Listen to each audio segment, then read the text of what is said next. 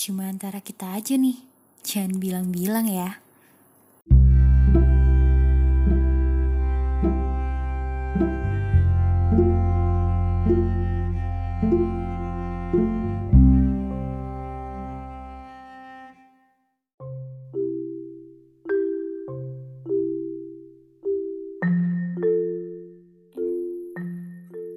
Semuanya, udah lama banget ya rasanya gak ngobrol kayak gini.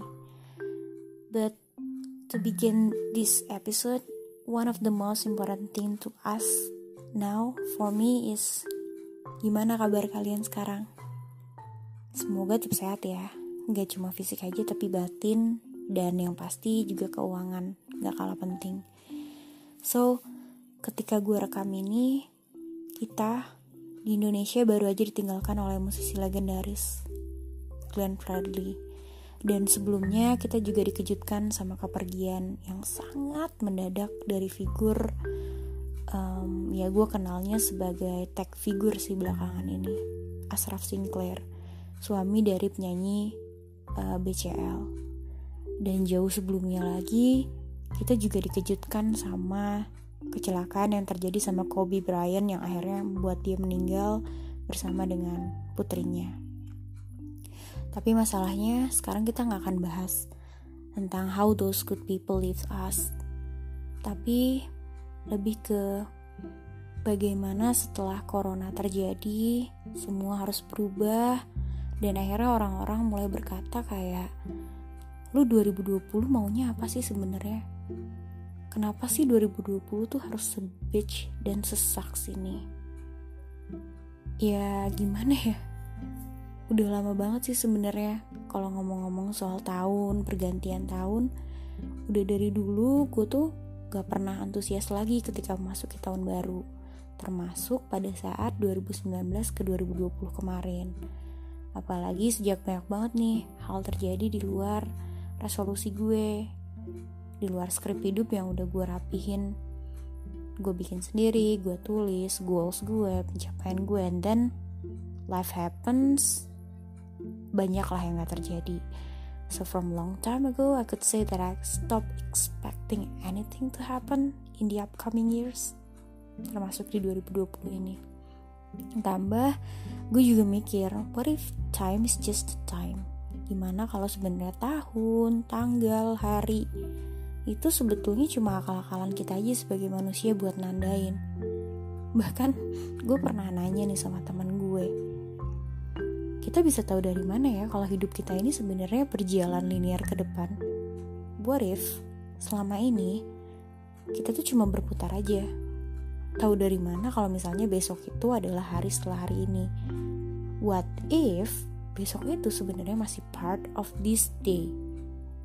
Iya dan pemikiran halu lainnya lah yang intinya udah dari lama sebetulnya gue nggak mau rely on something yang masih belum terjadi yang mana menurut gue kayak masih nggak pasti lah gitu.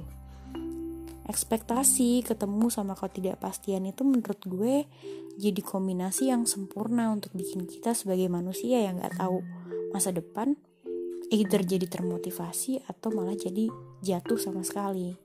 It's good kalau sampai apa yang kita udah canangkan, yang kita rencanakan, itu akhirnya di waktu-waktu yang tidak pasti yaitu di tahun-tahun berikutnya akhirnya terjadi dan membawa kebaikan.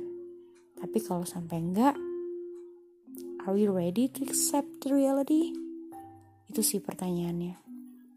Dan talking about this year, 2020 seperti yang banyak dibincangkan, bener-bener emang penuh kejutan sih dan penuh ketidakpastian. Ya terjadi terutama tiga bulan ini setelah coronavirus masuk ke Indonesia dan banyak banget kejadian-kejadian kayak public figure meninggal. Ya dengan situasi ketidakpastian ini awalnya sih gue fine-fine aja ya. Pas tiba-tiba gue yang baru masuk kantor baru diumumkan oh mulai hari besok lo nggak perlu ke kantor lagi lo work from home gitu kan. Awalnya tuh cuma dua minggu kantor gue. Tapi terus kantor gue bilang ini akan dievaluasi di setiap minggunya.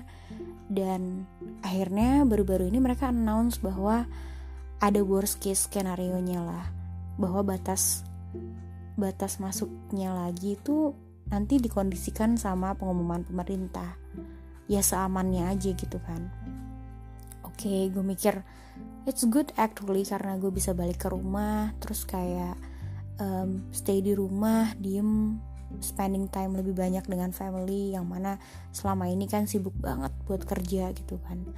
Setiap hari hari gue bangun kerja di rumah terus ngelakuin rutinitas di rumah juga. Tapi terus gue mikir kalau begini terus dan kayaknya di berita juga nggak kunjung membaik pertanyaannya cuma satu sih sampai kapan ya? Iya kalau tengah tahun reda. Kalau enggak? Atau kalau misalnya terjadi lebih lama gimana? Ini yang akhirnya mendatangkan ketidakpastian. No one likes uncertainty. Sebagaimana yang gue jelasin di podcast sebelumnya gak ada juga yang suka sama rejection. Termasuk ketidakpastian tuh manusia gak ada yang suka. Kenapa? Karena dalam ketidakpastian itu kita terpaksa menyerahkan kuasa kita sama hal-hal yang seolah nggak bisa kendaliin gitu sama kita di kondisi begini contohnya oke okay, kita udah ngelakuin apa yang emang udah dihimbau sama pemerintah dengan maksimal. Kerja dari rumah ibadah dari rumah nggak ada interaksi fisik.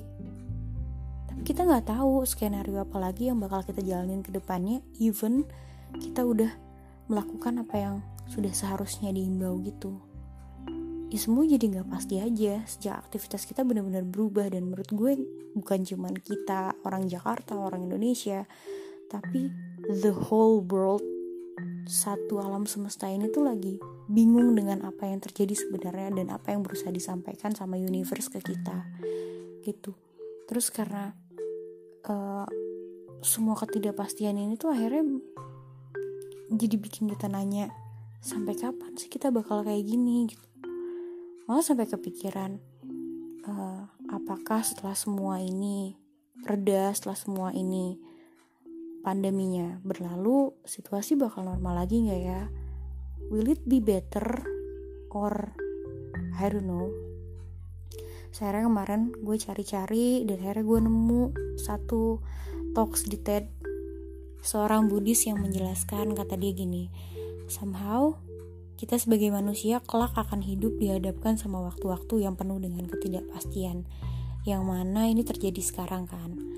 Dan ketika itu terjadi, sebenarnya manusia nggak bisa semata-mata nuntut dan bergantung dengan berpikir kayak ya udah deh gue tunggu deh sampai situasi normal lagi kayak seolah-olah menuntut hal di luar diri kita untuk bisa ambil kendali gitu menunggu sampai kondisi pulih Katanya justru di situasi kayak gini yang penuh dengan ketidakpastian, harusnya situasi yang tidak pasti ini tuh kita rangkul dengan baik. Kita belajar dari ketidakpastian ini. Kita adaptasi diri kita. Kira-kira untuk bisa balance sama situasi sekarang, apa ya yang harus diubah dari diri gue? Misalnya, uh, udah banyak nih sebenarnya dilakuin kayak misalnya dari segi perekonomian banyak banget perusahaan-perusahaan yang berhenti berproduksi dan akhirnya dia pivot. Kalau misalnya pivot itu di startup tuh istilahnya kayak e, mengubah segmen bisnis unitnya untuk menyesuaikan dengan situasi yang dibutuhin sekarang. Yang mana sekarang lagi dibutuhinnya kan banyaknya APD sama masker. Akhirnya tuh banyak tuh perusahaan-perusahaan yang mengubah segmen e, core bisnis mereka untuk jualan masker, jualan APD itu untuk bisa bertahan gitu terus kalau misalnya dari kita pribadi um, setelah lihat situasinya kayak gini oke okay, kita harus adaptasi. Kenapa? Karena kita nggak pernah tahu apa yang terjadi di sebulan dua bulan sampai berbulan-bulan ke depan terutama dari segi keuangan misalnya.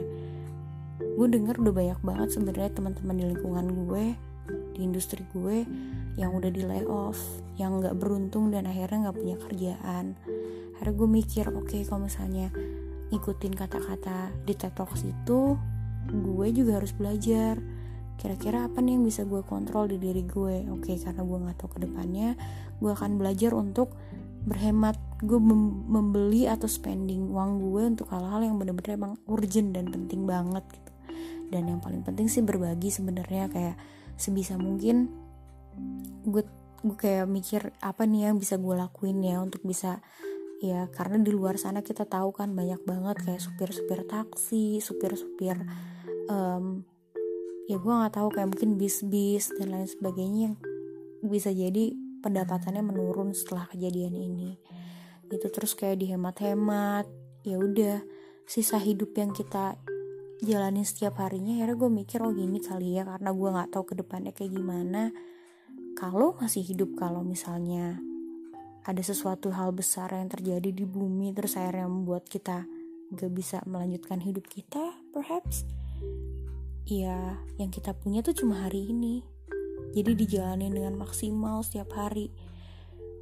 Yang bisa gue pelajari dari ketidakpastian itu ya sebenarnya yang harus belajar adalah diri kita. Kita nggak bisa nuntut lingkungan kita untuk memulihkan situasinya sendiri kita yang harus belajar hidup berdampingan sama ketidakpastian ini. Walaupun ya nggak tahu sampai kapan ya. thank you